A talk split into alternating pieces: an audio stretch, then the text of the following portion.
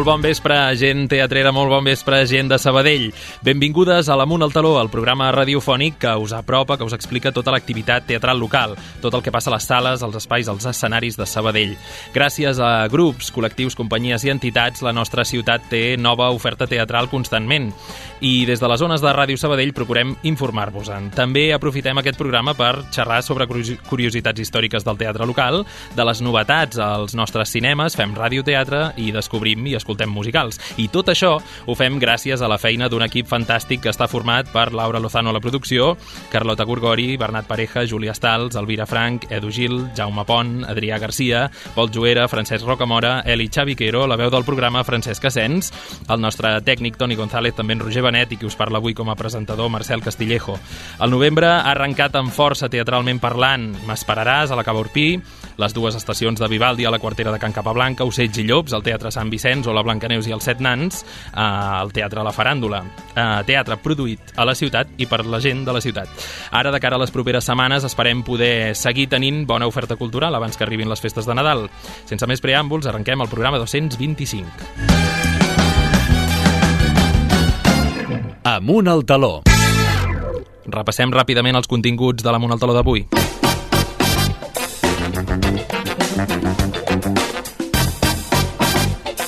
Repassem, com cada dimecres, què tenim a la cartellera teatral sabadellenca amb la Júlia Stals. Obriu les agendes perquè us anirem citant tots els muntatges que es poden veure a les diferents sales i espais de la ciutat. A continuació, torna al programa en Jaume Pont, el nostre col·laborador expert en temes històrics del teatre local. Avui descobrirem un altre dels antics teatres de Sabadell, un de molt important i de preciós, a la secció Entre talers i talons.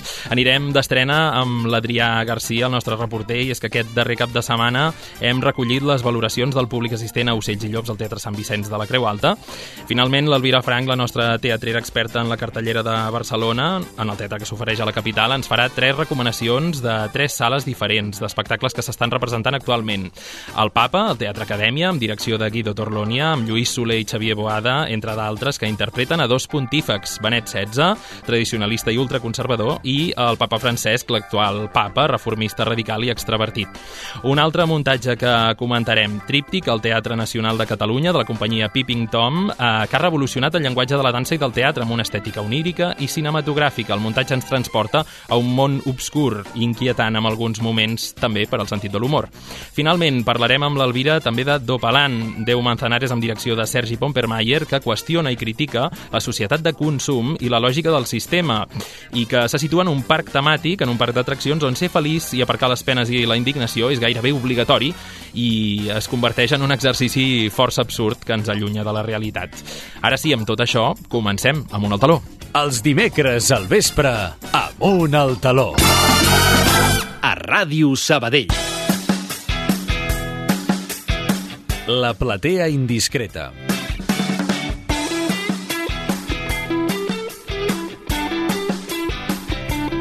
Moment de la platea indiscreta, d'obrir les agendes, hora de repassar què tenim a la cartellera de la ciutat de Sabadell amb la Júlia Stals. Com anem, Júlia? Bon vespre, doncs anem carregats, eh? Aquesta sí? setmana... Encara? Perquè Sí, hem passat sí. un octubre que déu-n'hi-do, eh? Déu-n'hi-do, i un novembre que també estem veient que... Déu-n'hi-do. Sí, sí. I això ho empalmarem amb el Nadal, eh? Que Amb- també tindràs feina a recollir totes les propostes, Júlia, em sembla. És any. una temporada forta pel, pel Sí. que podem comprovar. Sí, sí, totalment. Molt bé, doncs repassem què, què podem veure aquest, aquest cap de setmana, no? Sí, comencem al Teatre Sant Vicenç, que representaran Ocells i Llops dissabte a les 10 de la nit i diumenge a les 6 de la tarda. I aquest és l'últim cap de setmana per anar-hi. Però també tenen en cartell distopies divendres a les 10 de la nit. Per tant, aquests dos muntatges a, a Sant Vicenç que encara continuen, però que ja s'acaben aquest cap de setmana. Què més? A la faràndula oferiran l'homenatge a Morricone i Rota divendres a les 8 del vespre. Uh -huh.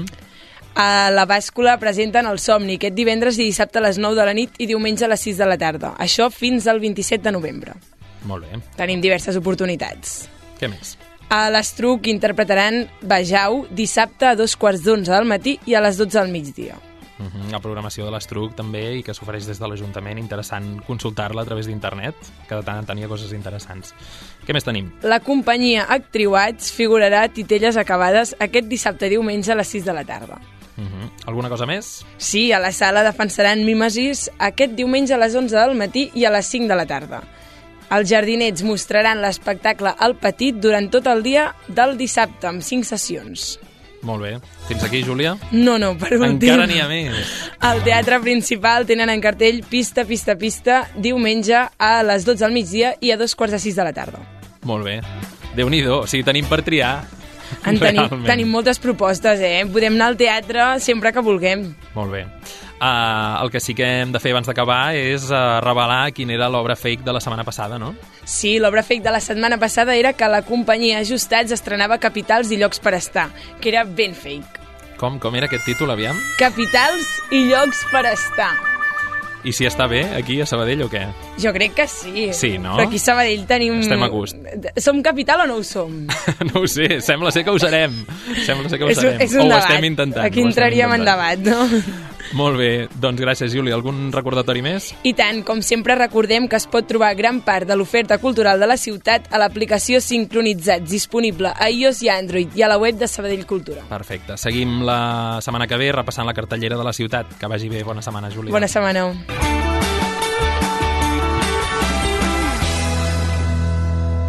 Amunt al taló, al teatre de la ciutat, a la ràdio.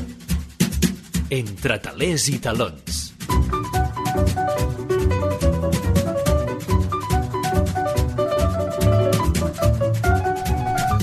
Avui ens acompanya a l'estudi en Jaume Pont i això significa que avui toca altre cop rememorar algun dels espais teatrals que hem tingut històricament a la ciutat de Sabadell. Toca entre talers i talons, per tant, descobrirem l'origen i evolució d'alguna sala de teatre sabadellenca. Jaume, bon vespre. Com Què anem? tal, Marcel? Bon vespre i a tots els oients del programa també molt bon vespre. Uh, molt content de tornar de nou aquí. Um, sí, sí, recuperarem... De fet, avui parlarem de, de la darrera... Del, de, del, del darrer gran teatre construït al segle XIX uh, aquí a Sabadell. Molt bé, ha donat de sí aquesta secció. Hem pogut parlar de bastantes sales, eh? Sí, no, i espera, no hem acabat, eh? No hem acabat, no no, hem no, acabat, no, jo dic que seguirà. és la del segle XIX. Ah, Ah, el segle eh. XIX, vull dir que ens falta tot el segle XX. Per tant, i a més a més del segle XIX encara hem de parlar de petites sales que no hem comentat durant... que segurament serà un... Algun dia parlarem només de- d'aquestes petites sales que, que, que existien durant el segle XIX. O sigui que queda demostrat que Sabadell era una ciutat de teatres amagats per tot arreu, no? Eh, Sí, que... sí, sí, sí, hi havia bastants petits teatres que ja explicarem, ja en parlarem, però anem pel, pel que ens toca avui, que a més a més el d'avui és el gran teatre de Sabadell, o sigui, és el que es va convertir en el teatre més destacat, més important, que va ser capaç de, de el més elegant, on, on, on realment, doncs, jo, jo crec que és el teatre que s'hauria d'haver conservat a Sabadell, sense menys tenir el teatre principal, eh? però aquest és el teatre de Sabadell, Sabadell de veritat. I estem parlant de l'Euterpa. N'havia sentit a parlar, Marcel, no sé si havies anat al cinema a veure alguna pel·lícula No, però n'havia sentit de parlar molt. Mira, jo l'última pel·lícula que vaig anar a veure a l'Euterpa va ser uh, de l'Indiana Jones. L'última de l'Indiana Jones, que ara no me'n recordo com, com que parlava de l'Atlàntida i tot això, doncs, Sí. doncs, doncs uh, aquest, uh, aquest cinema, que com hem anat repassant en, en els altres edificis que hem parlat, sempre ha tingut tota una trajectòria que tots van acabar passant, doncs, uh, o acabant convertint-se en cinema. del cinema. Mhm. Exacte, i, el, i l'Euterpa li va passar el mateix. Um, de fet, uh, uh, no en queda res, evidentment, d'aquest edifici, perquè estava situat en la, en la cantonada de la Rambla amb el carrer um, uh, Sant Antoni Maria i Claret, i de fet, del que és l'edifici en si, no, només em queda un petit vestigi, i a més a més molt amagat, i és el cartell, el cartell que hi havia sobre de, de, de, de, de l'entrada del cinema, que posava Euterpa, i està situat justament a dintre de... O sigui, per, per poder-lo veure, si algú doncs, té interès de veure'l, ha d'entrar expressament al pati interior que queda Dins de la propietat. Dintre, exacte, dintre, bé, no sé si és propietat o és un espai públic, la veritat és que no ho sabria ben bé, però jo diria que és espai públic, per tant s'hi pot, pot accedir, però s'hi ha d'entrar pel carrer eh, Narcís Giral, Sí. eh, que hi ha una entrada de pàrquing, doncs per aquell, per aquell accés, i allà dintre aquella plaça veureu que ja es conserva encara el, el cartell eh, de l'Euterpa, que és un cartell de, amb un disseny dels anys 60 i 70 del segle passat, del segle XX, però que està allà, no? un Home, cartell doncs ara, ara, Jaume, amb, amb aquest titular que ens has donat, ens has d'explicar com hem passat del teatre, d'un dels teatres més importants de Sabadell, no? a, amb un èxit rotund, a un cartell en un pati interior. Exacte, què, doncs sí, sí, aquesta és la camí? trista història de, de un, una més de les tristes històries de tots aquests eh, grans equipaments que hi va haver a la nostra ciutat doncs, a, a finals del segle XIX. Eh, doncs això, els, els orígens es, del teatre remunten en el concepte aquest que ja n'hem parlat també altres vegades d'espai d'un edifici com un espai d'esbarjo eh, en què doncs, eh, en, un mateix, eh, en un mateix edifici es combinaven doncs, un espai, un cafè, un jardí i un teatre, també, com hem vist en els campos, tant el del mm. Cervantes com en, en el del final de la Rambla. Els promotors van ser eh, els propietaris del cafè Soler i del Teatre Parreño, que estava situat al carrer de l'estació, que, com he dit, algun dia parlarem d'aquests petits teatres, era un d'aquests petits teatres, no sé si és perquè a finals del segle XIX el, aquest, el Teatre Parreño els hi va quedar petit i van decidir fer-ne un de més gran, la qüestió és que van adquirir eh, aquest espai de, de, de, de la part eh, de dalt de la Rambla, que a més a més a, a finals de, del segle XIX la Rambla s'havia convertit en l'eix més selecte i més, i més, um, més, més senyorial o amb, amb, amb, de més importància doncs, de la ciutat. I... Um, i va ser allà on van començar a construir uh, aquest edifici. Clar, era a l'època que entenc que la Rambla era Rambla com a tal. Sí. Ah, um, arquitectònicament parlant, eh, vull dir. Um, vull dir, era, era, no era boulevard, com no ho sé, tenim ara. Encara no ho sé si era, si era l'estil aquest amb un passeig al mig, com, com era la, la Rambla de Barcelona. No, sí. no, no estic segur si aquella època ja ho era, eh? no mm. ho sé. Mm. Però, però és possible, és possible. Um, el que sí que és que era una, una zona de, de, de, de molt de prestigi. Mm -hmm. I, I van decidir encarregar-li a l'arquitecte Juli Batllevell, que Juli Batllevell, um, també uh, recordareu, és un arquitecte de molt prestigi de Sabadell, un arquitecte arquitecte d'estil de, de, modernista, era un deixeble de Domènec i Montaner, que a més a més va col·laborar amb, amb, el, amb, amb, amb el gran arquitecte modernista, amb Antoni Gaudí, en la construcció del Parc Güell, i també entre dels edificis més de, molts dels edificis que va construir aquí Sabadell, dels més destacats que encara per sort conservem, doncs hi ha l'Hotel Suís, al carrer de l'Estació, mm -hmm. l'Escola Enric Casasses, al carrer Llobet, el Despatx Lluc, on hi ha la, la, la seu de, de, de les oficines municipals o també l'edifici de, del que havia sigut el Museu del Gas, l'edifici de, de, de, de Catalana de Gas en la plaça del Gas. I també un altre edifici molt destacat de Juli Batllevell és la, la, la reforma que es va fer del Marquet de les Roques per convertir-se en la casa d'estiueig dels Oliver, a la Vall d'Horta, a, a, a Sant Llorenç Savall. Per tant, era un, un arquitecte de molt prestigi. I Marcel, eh, a l'hora d'escollir a quina part de l'edifici construirien primer, el cafè, el teatre? Què creus que van decidir el promotor d'aquest edifici construir primer? No ho sé pas, el cafè. El cafè, per descomptat. El teatre, primer el cafè. Pensa que sempre el principal primer van construir el saló per fer-hi balls. A tot arreu sempre primer es construïa el cafè i després es feia el teatre. I efectivament va, es va, Juli Batllevell va dissenyar un edifici en planta rectangular um, un, un senyor cafè, un cafè molt senyorial que de fet l'edifici en si es va convertir en un dels emblemes um, de, de, de la ciutat de Sabadell. I, i uh, l'edifici tenia uns grans finestrals que la façana donava a la Rambla i tenia uns grans finestrals, sis grans finestrals que tenien una forma doncs, um, com, com allargada amb, amb, una, amb, amb, amb un arc de ferradura però que en lloc de ser com un semicercle tenia una forma com uh, heptagonal i, i amb, amb, amb amb un interior de, de, de, com una tranyina i un vidre gravat i aquest, aquesta, per tant, que li donava una gran lluminària en aquesta gran nau interior. Pensa que en aquest cafè que havien 500 persones, segons he llegit que, que la capacitat que tenia, i a més sí. a més també a la façana interior donaven a l'espai del jardí i també tenia uns grans finestrals, per tant, era una, un, jo crec que havia de ser un cafè molt agradable i tot seguint aquest estil eh, modernista i tant d'aquesta aquest, època.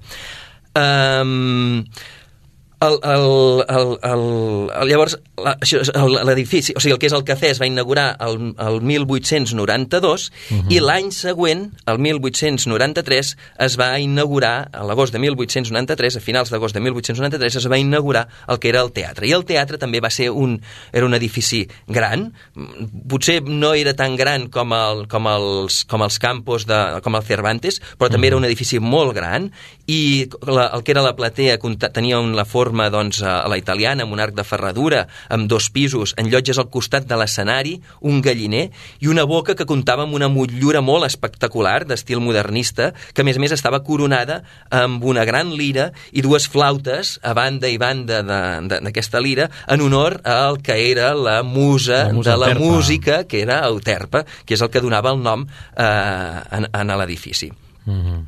S'ha de dir que l'escenari també això, era molt gran, no tan gran com el del Cervantes, però sí que, que era prou gran com per acollir-hi òperes. I, de fet, això, el 28 d'agost de 1893, quan es va inaugurar, la primera actuació que s'hi va fer, que s'hi va, ser, s'hi va fer va ser una sarsuela, de fet, la mateixa sarsuela que va servir per inaugurar el, el, els campos, que és Los Diamantes de la Corona. Deuria ser una sarsuela que estava molt de moda en aquella època, i, i, i, però després, ja tres setmanes més tard, s'hi va, o sigui, durant les tres primeres setmanes s'hi van representar 10 sarsueles. Uh, algunes vegades s'hi feien dos, dos sarsueles per dia. I al cap d'un mes ja s'hi va començar a representar òpera, amb, amb el prestigiós tenor Lorenzo Simonetti um, i també s'hi va representar gairebé una òpera cada setmana amb títols com Carmen, La Favorita, Un balón màscara, Rigoletto, uh, etc. I totes aquestes representacions amb, amb el, el, el, la música era interpretada per l'orquestra Feixendes, que era una de les grans o de les conegudes uh, i de més prestigi orquestres de la ciutat, tot i que tenia aquest nom tan, tan estrany, tan, bueno, sí. tan estrany, tan poc prestigiós, no? però sí que realment és sí, una sí. de les juntament amb els moixins, que també doncs, eh, actuarien també en l'Euterpe, doncs acompanyaven aquestes actuacions. Per tant, eh, un, un lloc cultural, diguem-ne, d'alt standing sí, totalment. Sí, sí, no? sí, s'ha d'entendre que això, la burgesia, tal i com anava al principal, doncs eh, a poc a poc van anar abandonant el principal. Recordem que aquella època el principal va ser, eh, era l'època que va haver-hi també, doncs, eh, es va convertir com una mena de musical. Sí, eh? canvis en la programació, exacte, ja me'n recordo. Exacte, doncs, doncs en paral·lel l'Euterpa doncs, va viure aquesta gran època, per tant, doncs, la gran burgesia burgesia de Sabadell de públic, doncs. va, es, es van dirigir cap a aquest espai. No? I, per tant, eh, eh, l'Euterpa això disposava de, de, del millor escenari de, de la ciutat amb una gran oferta de teatre professional i amb companyies que hi van actuar, com va ser la d'Enric Borràs, també, que ja n'hem parlat altres vegades. Enric uh mhm. -huh. Borràs era un actor doncs, de molt prestigi, i, eh, però també amb companyies com les de Jaime Ribeles o Amparo Guillén eh, durant tota, tota aquest, aquesta primera part de, de, de, de, del segle XX. Val? El, el 1915 hi va haver-hi una ampliació, hi va haver una ampliació i una reforma i ja que no saps què es va, per què es va reformar eh, l'edifici també per molt danys per... estructurals. No, ah. no, no, no. Aquest s'ha de dir que l'Euterpa segurament es deuria construir millor que els altres edificis perquè mm, suposo que Juli Batllevell era un bon arquitecte mm. i, i s'hi va dedicar i s'hi va esmerçar i no, no, no he trobat que hi hagin hagut, tal i com per exemple el, el, el, els campus es van cremar i van haver tot de desgràcies, el principal també va tenir danys sí. estructurals, en canvi l'Euterpa no he trobat danys estructurals, però sí que hi va haver una, una, una, una reforma per poder-hi fer cinema.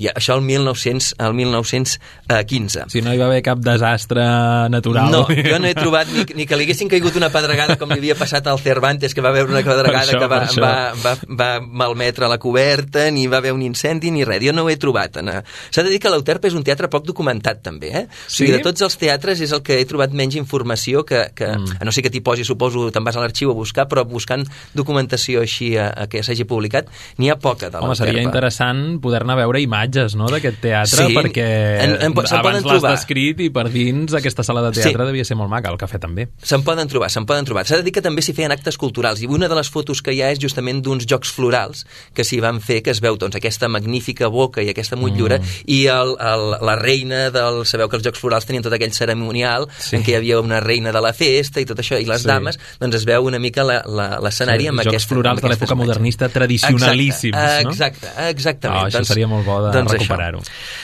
Llavors també a partir de, de 1928 també hi ha, un, hi ha un esdeveniment important i és que l'Euterpa es va convertir en la seu d'una nova entitat que era que l'entitat anomenada els Amics del Teatre que era una, seguint una mica el model del que eren els Amics de la Música que, que aquesta era una associació que havia creat la, els de la colla de Sabadell, en Joan Oliver, en Trabal, l'Ubiols, tota aquesta colla mm. eh, que, que el que feien era contractar era una associació d'espectadors que el que pretenia era contractar les millors companyies de teatre de, de teatre professional de Barcelona i Madrid la, la, la, els amics de la música ho feien a nivell doncs, d'orquestres mm -hmm. d'orquestres i en canvi els amics del teatre ho van fer doncs, a través de contractant companyies de teatre. I així es va aconseguir que eh, vinguessin companyies doncs, també històriques de prestigi com Francisco, la de Francisco Morano, Martínez Sierra o de la Margarida Xirgo.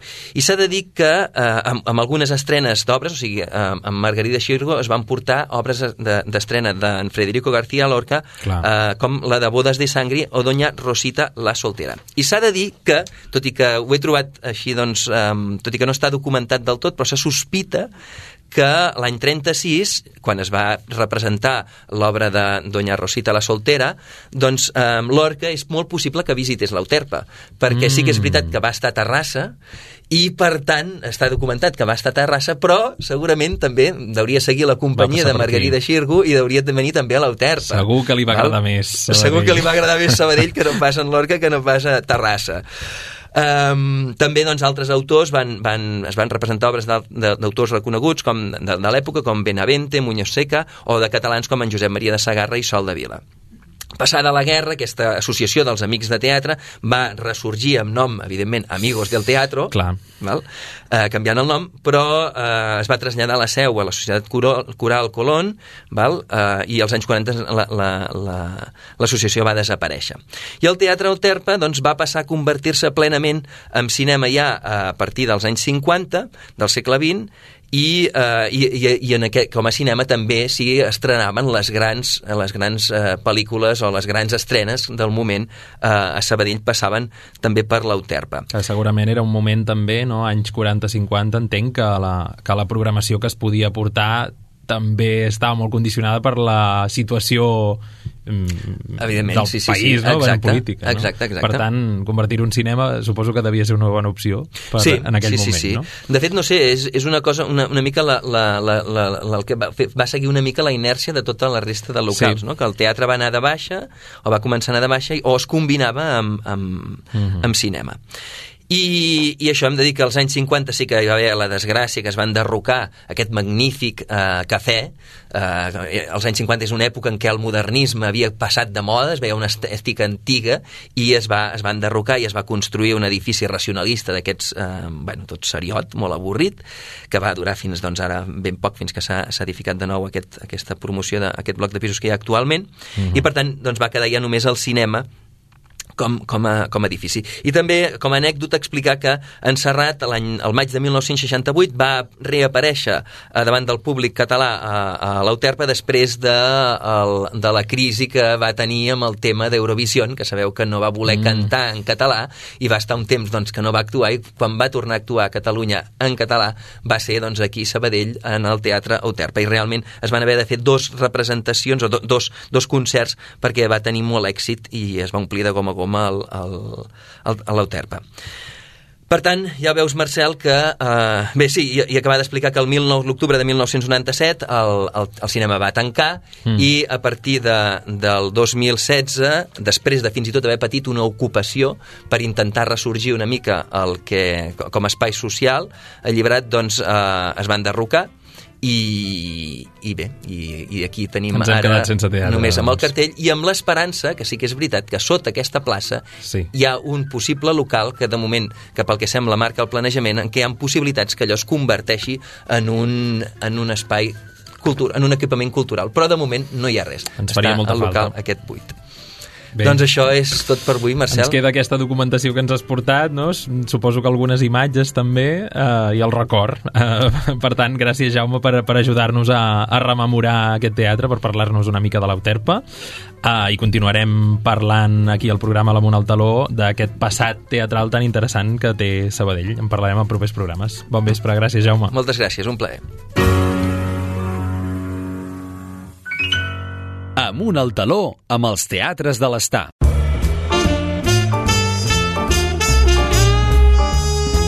Anem d'estrena!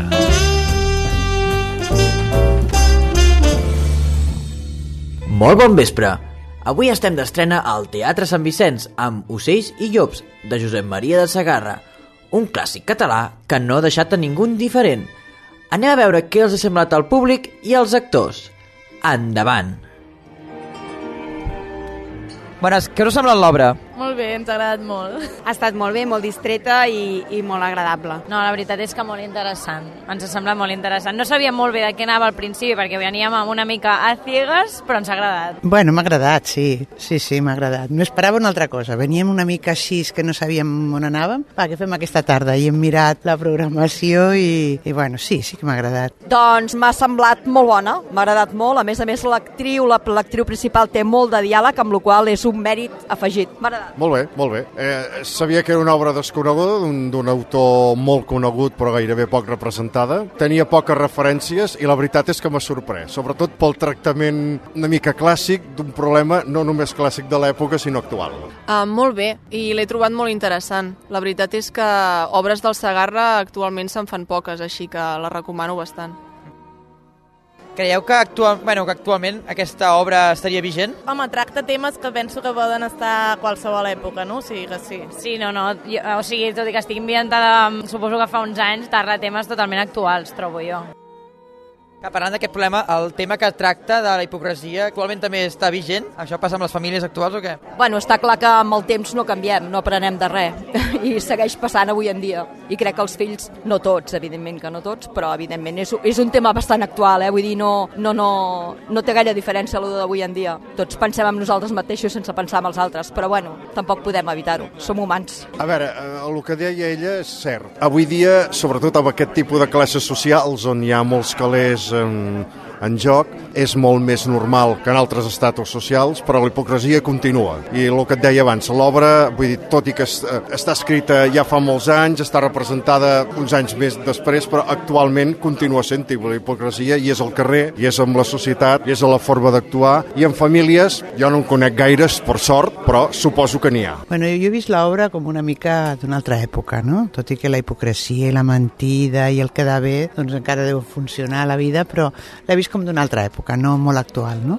Trobo que és un tema que està a l'ordre del dia. Molta gent vol aparentar el que no és. De fet, amb les xarxes socials i aquesta mena de dictadura de la felicitat o happycracy en què vivim, moltes persones amaguen el que realment són o ho maquillen. I en aquesta obra sí que és veritat que surten temes que potser abans eren més greus eh, que actualment, però de totes maneres fa reflexionar.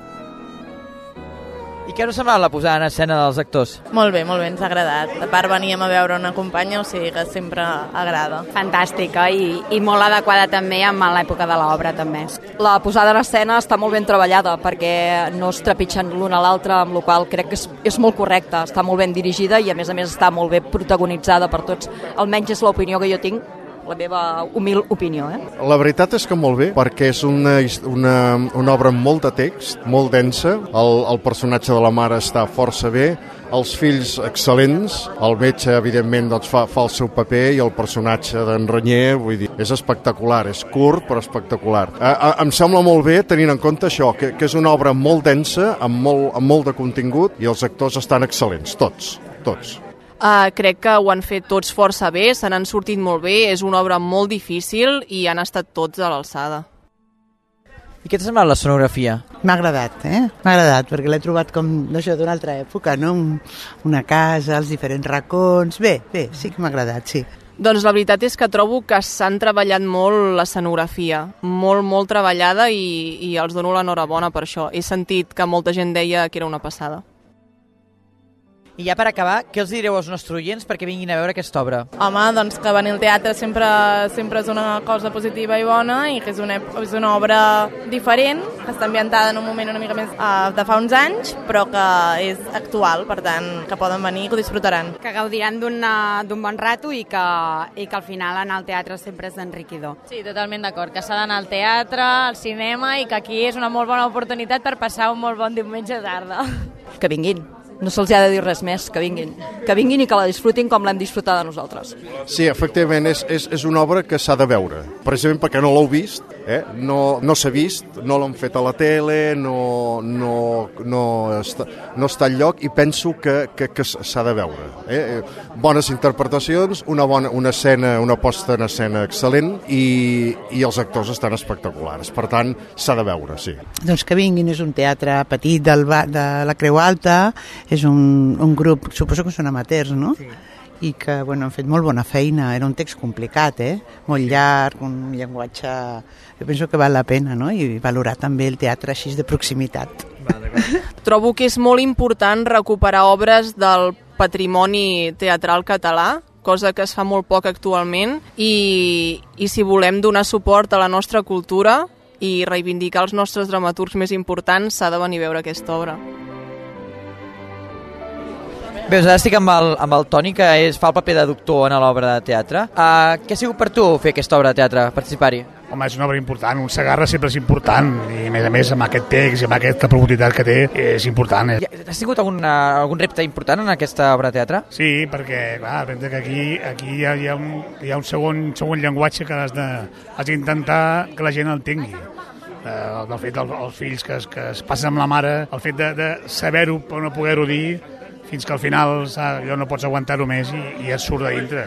Explica'ns una miqueta, el doctor, quin, quin paper fa en, en aquesta obra? El doctor és com el confident. És amic de la mare de fa molts anys, a part de, a part de client, i, i és el confident. I és el que la mare és, és, és com el xivo expiatori. Amb, amb la mare, amb el doctor, es deixa anar, li explica tot el que hi ha i el que no pot dir davant dels fills. I el doctor fa una miqueta, clar, de fer el cor fort perquè davant dels fills també ha de dissimular fins que passa el que passa i al final surt, surt tot. I com valores l'estrena? Bé, bé, molt bé, molt bé, molt bé. Uh, tenint en compte que potser anava una mica justets d'assajos, uh, molt bé, molt positivament, sí, sí. Molt millor del que ens pensàvem a priori que podria sortir nosaltres, sí, sí. Vale, vale, vale. Molt bé, sí. I ja per acabar, què els diries als nostres oients per convèncer-los que vinguin a veure aquesta obra? Bé, que no tots són musicals i no tots són comèdies, que en tant, tant s'ha de venir a veure una mica de teatre, de text, i de més d'un autor dels nostres, com és el Sagarra que tant va bé mm, refrescar una mica eh, vull dir, la nostra cultura.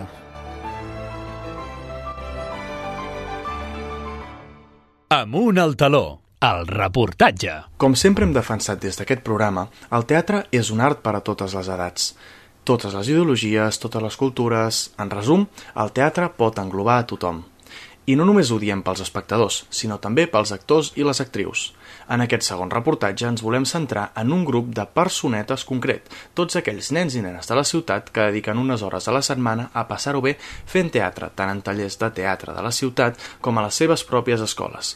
A Sabadell tenim la sort de comptar amb diversos tallers de teatre i moltes escoles que ofereixen aquest extraescolar.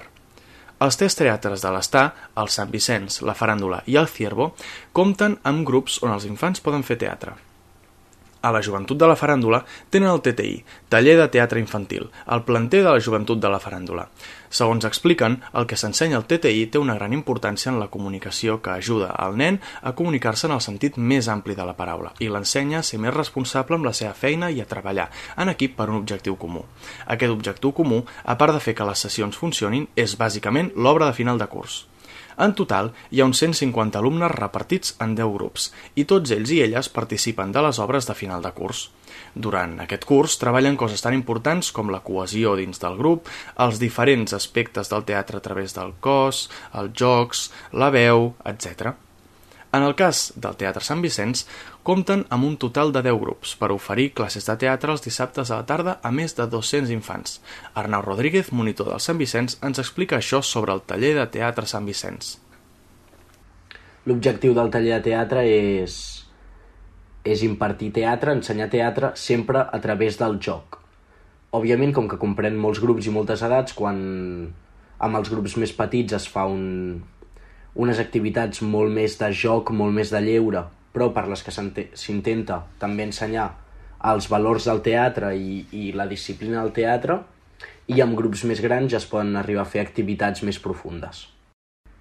Els punts forts del taller de teatre jo trobo que és que és aquesta familiaritat que hi ha al taller de teatre eh, tots, tots ens coneixem entre tots encara que no siguis monitor d'un grup, et, els nens et coneixen, els nens i nenes es coneixen entre tots els grups, veuen els més grans, fer, to, fer els seus festivals, um, i a part, com que forma part d'un teatre més gran es fan obres de temporada, no només uh, tens la relació aquesta de taller de teatre, sinó que també et trobes fent obres de temporada, ara per exemple amb els pastorets.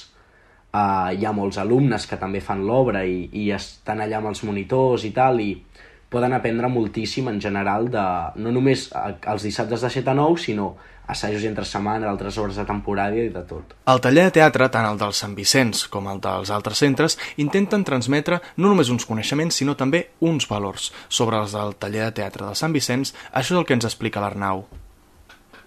Um, els valors que s'intenten transmetre en el taller de teatre són els valors que s'adquireixen fent teatre, que és sobretot treball en equip, és també saber parlar amb un públic, saber no, no tenir vergonya, saber estimar-te un mateix, es tracta molt també l'autoconfiança i la confiança també en els altres, eh, la disciplina també i tots aquests valors no, que, que rodegen el teatre. D'aquest taller i d'altres de la ciutat n'han sortit actors i actrius que ara estan a obres de Barcelona, a sèries, que es dediquen professionalment al teatre, vaja. I per últim, el Ciervo, amb un nombre més reduït d'infants, també gaudeixen cada setmana del teatre. En aquest cas, són menys infants que en altres tallers. Es divideixen en dos grups i també fan obres de final de curs. Tota aquesta oferta formativa dona lloc a molts infants de la ciutat per poder fer teatre, però hi ha moltes més opcions, com les escoles. Són moltes, arreu de Sabadell, aquelles que ofereixen, tant en horari escolar com en horari extraescolar, la possibilitat de fer teatre als alumnes que així ho desitgin. És per això que hi ha moltes més places de les que sembla per infants de Sabadell que vulguin practicar aquest art. Un d'aquests casos és el del Miquel Ribas. Ell és monitor en una escola aquí a Sabadell i ens explica com és la seva experiència. Jo faig el monitor de teatre a l'escola Teresa de Claramunt i en aquesta escola el teatre es treballa en una activitat extraescolar, és a dir, l'associació de famílies de la pròpia escola ofereix aquesta activitat extraescolar de teatre en horari no lectiu. Jo faig sessions a infants entre 4 i 5 anys és a dir, que estan cursant infantil 4 i infantil 5, i el que estem treballant, més que teatre, és una iniciació al teatre, és a dir, estem treballant tots els aspectes que conté el teatre des d'una vessant molt primerenca i molt simple i molt primària, perquè així es puguin començar a introduir en el que ve ser el món del teatre. Els infants, de moment, pel que portem de curs, estan responent prou bé i s'estan adaptant molt bé a les dinàmiques que els proposem, i creiem que és una cosa molt positiva, és una activitat molt positiva perquè els ajuda a guanyar confiança en ells mateixos i a perdre la vergonya. Una altra escola que també fa teatre, el que passa és que en horari una mica diferent, és l'escola Sant Nicolau. Aquí parlo des de la pròpia experiència, ja que des d'aquest any sóc el monitor d'un parell de grups. Allà utilitzen l'estona entre que els infants acaben de dinar i que retornen a les classes per poder fer teatre. És poca estona, però tota estona és bona si s'ho poden passar bé i poden aprendre coses bàsiques per tal de desenvolupar-se. Passem ara a l'Escola del Sol, on el Carles Blanco ens explica la seva experiència i com des de l'escola tracten aquest coneixement teatral. Llavors, la, des de l'escola el, el teatre es treballa d'una forma, forma lúdica, es pretén molt doncs, que els nens i nenes puguin adquirir capacitats per comunicar-se, capacitats motrius, per expressar el que senten, per expressar les emocions, eh, per també doncs, que puguin expressar-se en públic sense vergonya, que no els hi faci por. A vegades també hi ha algú doncs, que té problemes per, per parlar, que té problemes d'addicció i doncs, busquem activitats que facilitin molt tots aquests temes i ho volen com, com a un recurs que pugui ajudar aquests nens i nenes a venir-se a distreure fent teatre i fent alguna cosa que els agradi i que els hi pugui portar coses tant a nivell personal com també a, en un futur. A mitjans de novembre, és a dir, ara, només fa un mes i mig, més o menys, que s'estan fent aquests tallers de teatre d'aquest curs, però tot i així el Carles ja explica que venen molt contents i que s'ho passen molt i molt bé. Els agrada molt, posen ambició i amb els poquets dies que portem fent l'extraescolar ja hi ha hagut una millora, hi ha una molt bona disposició per, una bona predisposició per part seva, cosa que facilita molt més aquest aprenentatge, que vinguin contents i contentes a fer les sessions de teatre i, i que puguin aprendre totes aquestes coses que a part de portar-los un component lúdic a dia d'avui doncs els pugui ajudar en un futur a poder fer qualsevol cosa relacionada amb aquest món. I així com hi ha moltes escoles que ho tracten com un extraescolar, n'hi ha d'altres que ja ho estan tractant com a part del propi curs, ja sigui per optatives o com és el cas de l'Escola Pia, la qual utilitzen una de les assignatures per muntar l'obra dels pastorets ara per Nadal. De fet, la pedagogia teatral que es diu s'està incloent en moltes carreres relacionades amb l'educació, tant amb l'educació social com amb la pedagogia. I és que s'ha demostrat que aquesta pedagogia teatral realment pot a aprendre coneixements que d'una altra manera seria més complicat. La Universitat de Xile va decidir fer un estudi en el qual s'agafaven dos grups d'alumnes de les mateixes característiques i en els uns se'ls ensenyaven uns continguts utilitzant tècniques teatrals i en els altres no amb tècniques tradicionals. I el resultat va ser que els que se'ls utilitzaven les tècniques teatrals utilitzaven millor els coneixements i els adquirien de millor manera. Això va donar dos resultats. El primer és que la pedagogia teatral ha donat bons resultats en els aprenentatges de continguts tant conceptuals i procedimentals com actitudinals. I un altre, explicar que aquesta pedagogia teatral no consisteix en fer teatre, sinó en utilitzar les seves tècniques per predisposar l'alumne a aprendre certs coneixements. Així doncs, ja ho veieu, el teatre no és només anar i assentar-se a una butaca. El teatre és molt més que això. Posa't al dia de l'activitat teatral de la nostra ciutat a Ràdio Sabadell.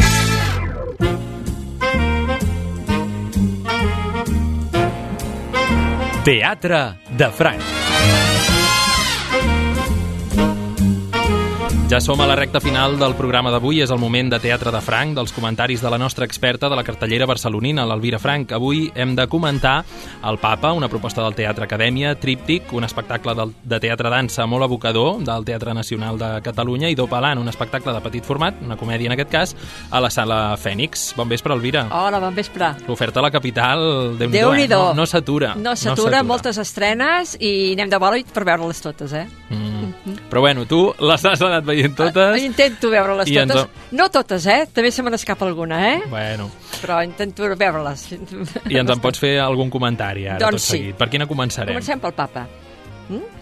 El papa d'Antoni McCarten, eh, traducció de Jaume Coll Mariners al Teatre Acadèmia, tal com has dit, amb direcció de Guido Torlònia, amb l'ajuda d'Ivan Beltran.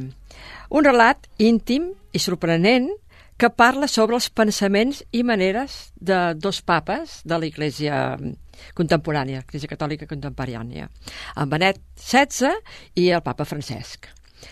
Tot i les converses que es representen són fictícies, tenen un fons de veritat, ja que cada un d'ells reflecteix la seva pròpia personalitat. A més, els fets que es descriuen a la funció, en certa manera, són certs. Eh? Les, les, els diàlegs que tenen no, però els fets sí. Les escenes transcorren quan els dos homes hauran d'escollir el seu futur i el de l'Església. Tots dos volen abdicar, però tots dos han de seguir, han de continuar.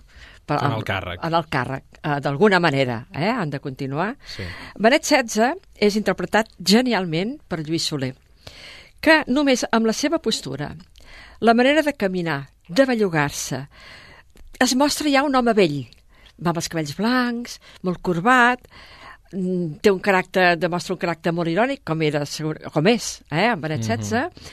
molt conservador i rígid amb els seus pensaments i amb tradicions mm, molt tradicionals i culturals alemanyes, era un de és alemany.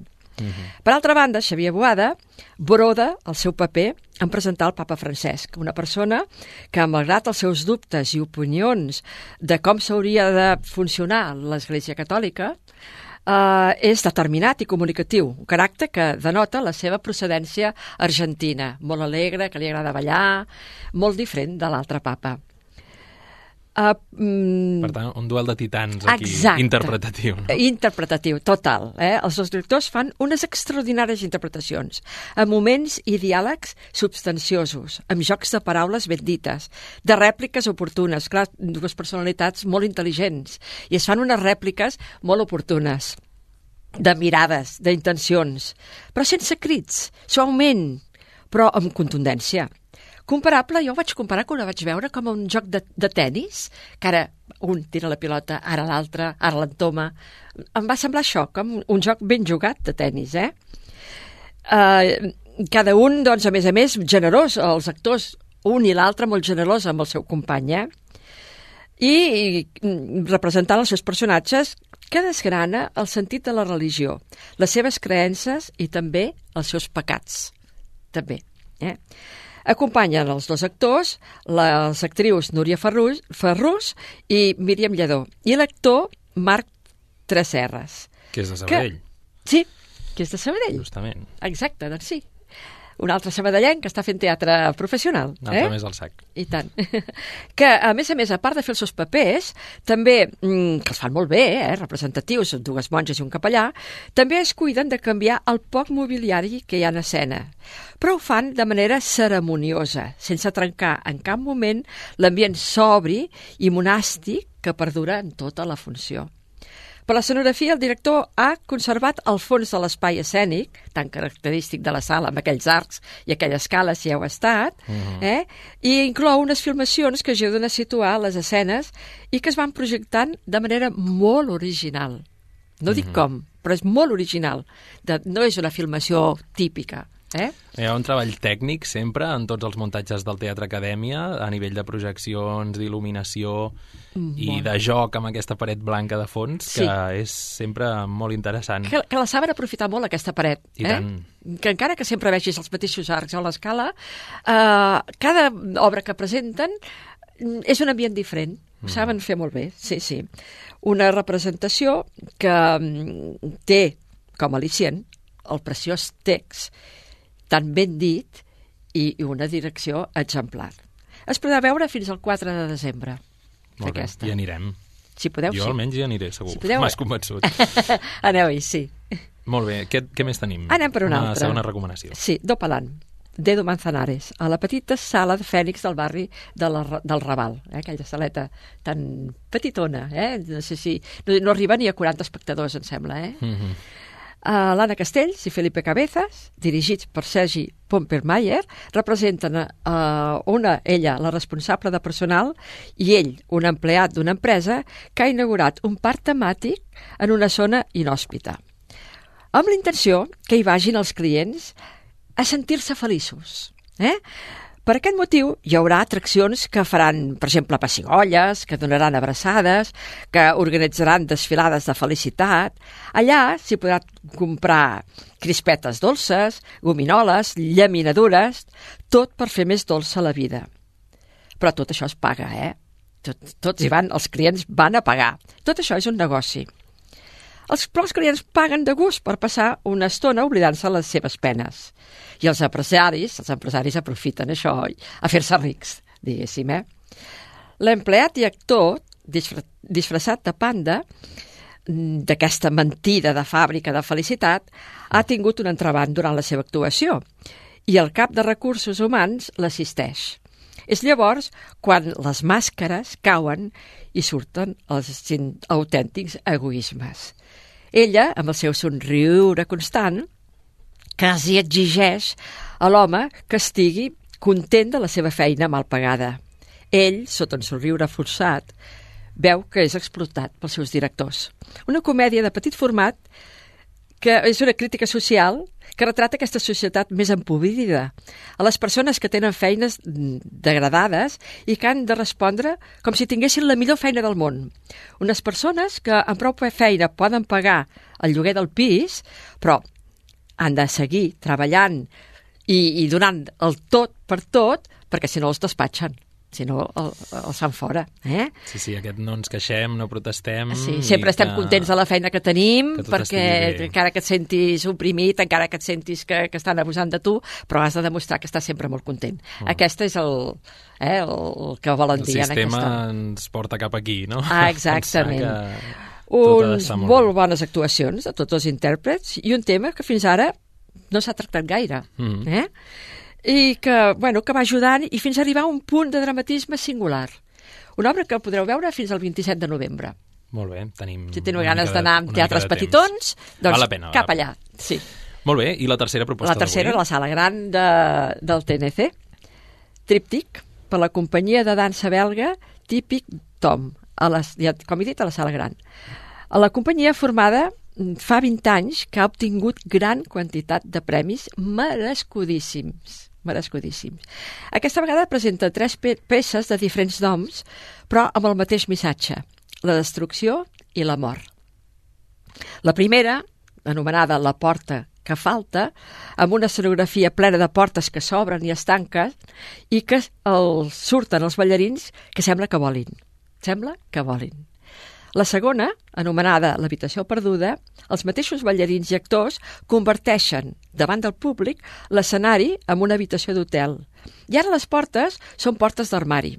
I els actors s'han convertit en fantasmes o, o monstres que van sortint d'aquestes portes apilotats i inesperadament. I el tercer és el pis amagat, uh, un pis que mm, és com un festival, diria jo, de foc, aigua i vent. Aigua, eh? Molta aigua per terra. I que arrasa uh, i ho destrueix tot que sacseja a tots els intèrprets violentament. Violentament. Llavors és quan volen més encara, eh? Uh, les escenografies que en principi semblen realistes, perquè són com uns aplics doncs, molt de teatre convencional, diguéssim, uh, impacten per la subjectivitat de somnis, pors i desitjos. La il·luminació juga en moments molt foscos i amb ombres suggerents. L'espai sonor Igualment és una barreja de tons musicals amb sorolls forts, explosions i gemecs, que quasi no hi ha música, però ells ballen. Tom mira. Així, d'explícit, és el nom de la companyia, i així clarament fan i interpreten l'espectacle. Dansa, acrobàcia, plàstica, amb moviments inimaginables, equilibris impensables, tot fet amb una correcció admirable i, i mm, recursos escènics de llum i so immillorables. Impressionant, deixa-m'ho dir, impressionant. És el que fan aquests ballarins, com es mouen, com salten, com sembla que el vent els fa volar, fent piruetes a l'espai, entrellaçar-se els uns als altres, movent-se i ballant d'una banda a l'altra, fins a arribar a crear una frisança que transmeten en els espectadors. La desesperança del futur i la incertesa del demà és ben patent en la funció per això, eh? Uns personatges que no sabem ni on estan ni a quin temps viuen, però que tampoc fa falta saber més, només gaudir i admirar la grandíssima qualitat de la funció. Meravellós i espectacular muntatge amb atrevides coreografies. He de dir que boca badada vaig quedar, de veritat. Entrarà dins del top 10, doncs, de finals de temporada. El, serà per mi, sí, jo crec que serà més que un 10, eh? Bueno, per mi és més que un 10. Mm. El top 10 i tant, la primera, en principi. No sé si podrem veure, perquè feia anys, anys que no... Bueno, jo em sembla que en, en meva vida havia vist una actuació així. Mm -hmm. Teatre de text n'hem vist, molt ben fet, però aquestes actuacions tan impactants que sense una, dir una paraula els entens tot el que volen dir, movent-se, és que uh, cauen a terra, es mouen pels aires i cauen a terra sense fer-se mal, amb una elasticitat com si fossin ninots de goma de veritat, al·lucinada, al·lucinada. Quin goig, a més a més, veure el TNC el dia de l'estrena, tot d'en peus, aplaudint llargament, efusivament, quasi 20 minuts van estar aplaudint. Jo només diria que, sobretot, no se la perdeu, és una llàstima, perquè em sembla que ja no hi ha entrades. Està tot exaurit. Està tot Ens has deixat amb el carmelet a la boca ara. tant de bo, és... tant de bo la tornin a repetir. És perquè molt interessant. És, és una uh, meravella que hi hagi tota aquesta convergència com d'elements, no? tècnics, escenogràfics, de, de coreogràficament, i que, mm. que tot això s'uneix, l'espai sonor, etc. Sí, sí, sí, és un I que sen, amb l'absència de paraules, sense dir res, es pugui transmetre tant, no? I tant, molt. És el, la gràcia del teatre postdramàtic que tenim ara, al segle sí, sí, XXI. Sí, sí, sí, sí, molt, però molt. Ara, per com ho explicaves, he pensat que em recordava una mica Opening Night no sé si a nivell estètic i les companyies segurament no treballen igual, no però treballen com que igual. també era la sala gran del Nacional m'hi has fet pensar. Sí, pot ser, però no treballen igual. No mm. treballen igual. És, és que els moviments, tot és que ja t'he dit, et semblen com de goma, de la manera que, que es belluguen. Jo ja em dic, eh, amb la boca oberta, moltes vegades em, em notava la boca oberta de dir d'admiració de lo que estaven fent Tant de val la tornin a repetir. A veure si poden tornar a venir la companyia Living Tom. Exacte. I... Van venint per això, eh? En, fa anys que van venir amb una altra proposta. Eh, Tenir-ho present quan tornin, per no perdre'ns. Molt bé, ho anotem. Sí. Doncs gràcies, Elvira, per, per aquests tres comentaris d'avui. Dimecres vinent seguirem parlant de propostes que tenim eh, programats, eh, programades a, a Barcelona, a Això la capital. mateix. Vinga, adeu-siau.